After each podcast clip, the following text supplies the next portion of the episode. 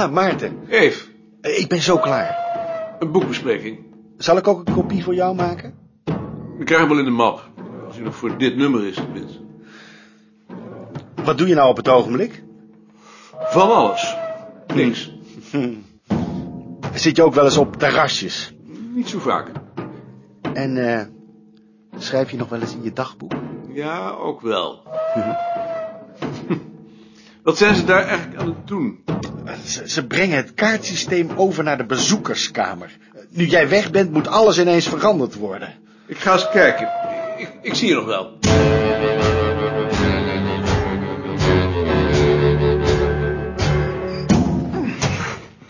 Hey, dag Maarten. Dag Alt. Hey, Maarten. Zo, kom je ook eens kijken. Je hebt eindelijk je zin. Ja, vind je het gek? Nou hoef ik eindelijk niet meer door de vergaderkamer. Ik vind weinig gek. Waar zit Lien nu? Die eh, zit op de plaats van Gert. Alt, heb jij de map met kopij voor 13.2 al voor me? Ik wou die maar even bekijken. Ik zal hem je geven.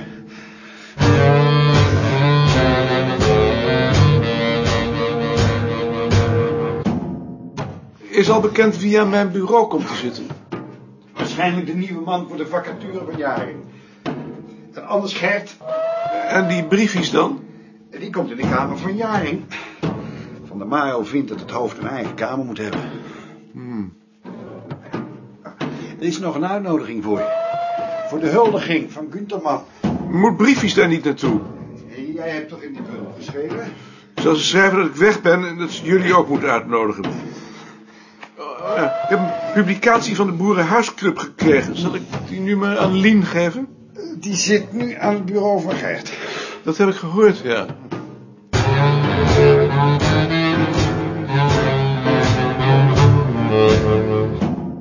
Dag Lien. Dag Maarten. Jij zit nu dus hier. Dag Jetske. Ah, Vind je het leuk hier? eh, ja. Ik vind het wel leuk. En als je het niet leuk vond, zou ik niet zeggen. Nee. Ik vind het echt leuk. Ik heb een boek van de Boerenhuisclub gekregen. Zal ik het maar aan jou geven? Maar wil je het dan niet zelf houden? Nee, het hoort hier. En dan heb ik nog iets voor Frits. Dag Frits. Hey. Ad, je herinnert je toch nog wel dat deze kamer niet te zwaar belast mag worden. Daarom hebben ze in de tijd twee ijzeren balken onder de kaartsysteemkamer aangebracht. Speciaal voor het kaartsysteem. Ja, de- deze gaan niet door de vloer. En anders komen ze toch maar op kozen elke. Maar daar blijft het niet liggen.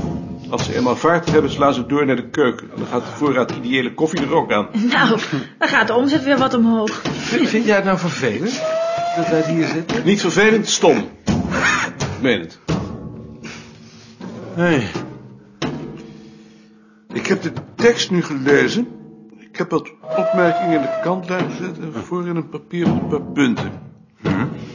Ik ben hier nog wel even voor de kopij van 13.2. Z- Zullen we daarna over praten? Hoe vond je het? Heel goed.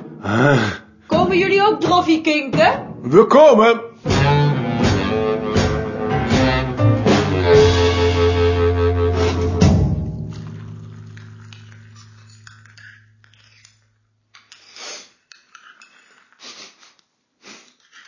Gemberbrood. Is toch niemand jarig? Dat is omdat de deur eindelijk open is.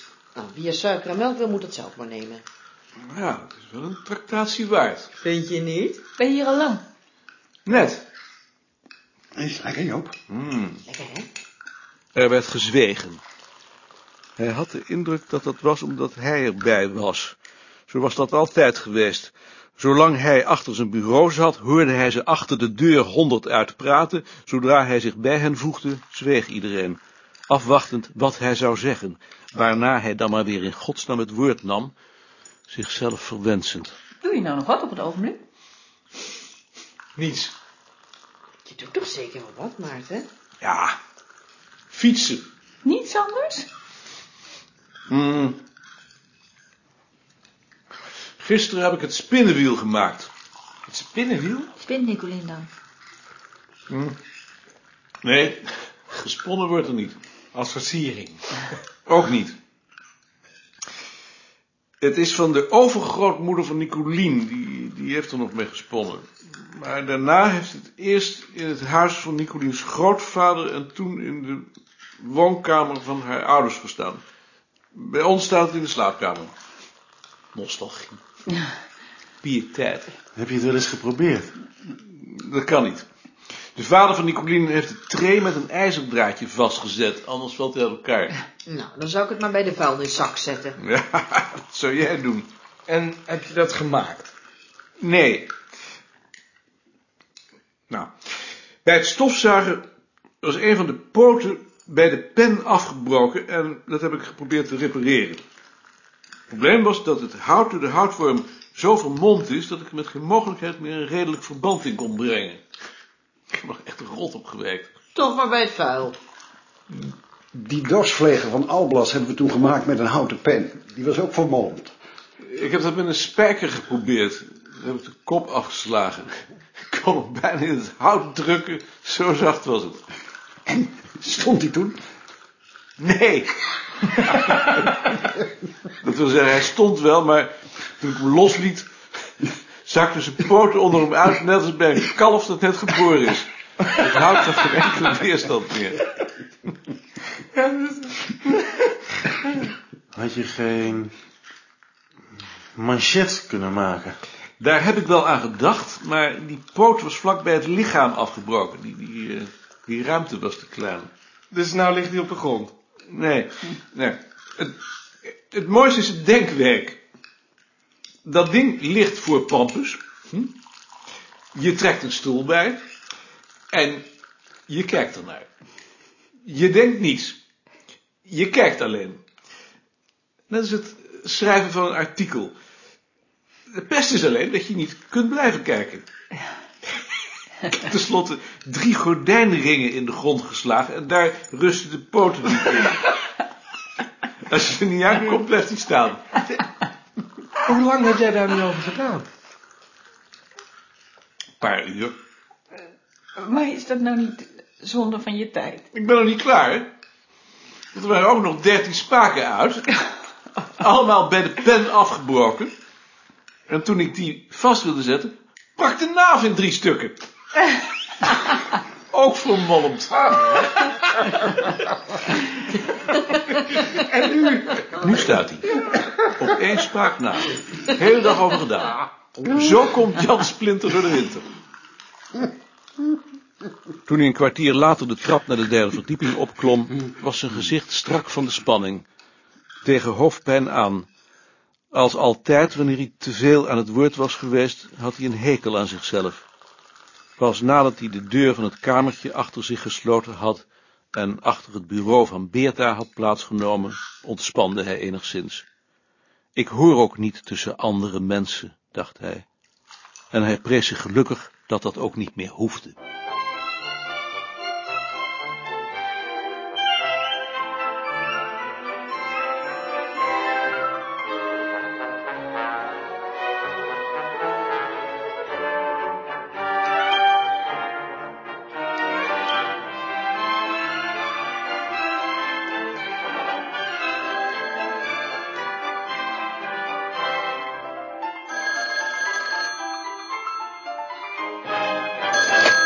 Met koning?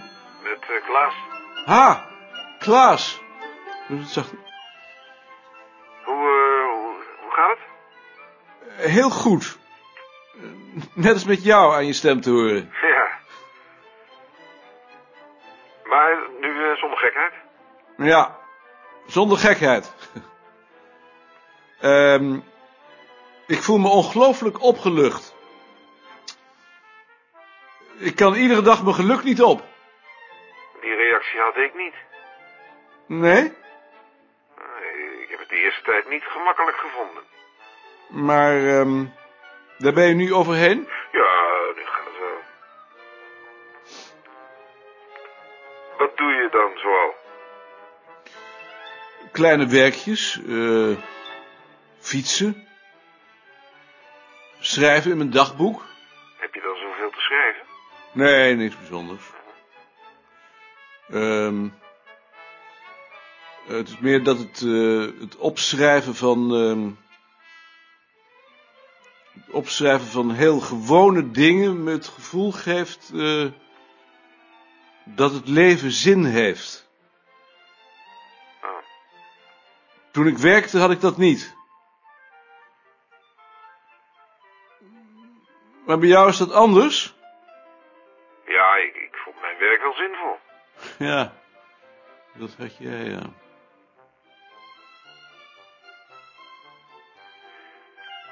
Nou, eh... Tabé? Kom nog eens aan.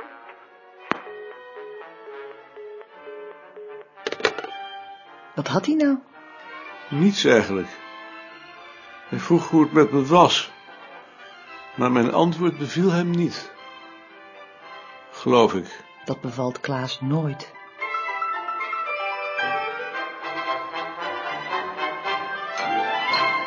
Hij reageerde daar niet op. Terwijl hij probeerde de afgebroken draad weer op te pakken, vroeg hij zich af waarom hij zich na zo'n gesprek zo onvoldaan voelde. En waarom hij bij Klaas altijd het gevoel had dat hij maar wat zat te leuteren. Hij vermoedde dat dat was omdat hij met dergelijke vragen naar zijn geestelijk welbevinden geen raad wist. Hij wist niet hoe hij zich voelde. Soms had hij de indruk dat hij zich plezierig voelde, maar zelfs op zulke ogenblikken was dat al interpretatie. Hij zou dat ter discussie willen stellen. Vertellen wat hem overkomen was, wat hij had opgemerkt, hoe hij had gereageerd, en dan overgaan tot de evaluatie. Met Frans Veen was zo'n gesprek mogelijk geweest. Als die met een interpretatie kwam of met een tegenwerping, had deze nooit het absolute karakter van een uitspraak van hemzelf over hemzelf in een telefoongesprek met Klaas. Praten zoals met Frans Veen, relativerend, alsof de waarheid alleen behoedzaam benaderd kon worden, zonder de illusie dat je haar ooit kon bereiken, was voor hem de enige manier om achteraf geen schuldgevoelens te hebben, of de indruk over te houden dat hij maar wat had zitten kletsen. Vooral bij Klaas had hij die schuldgevoelens sterk.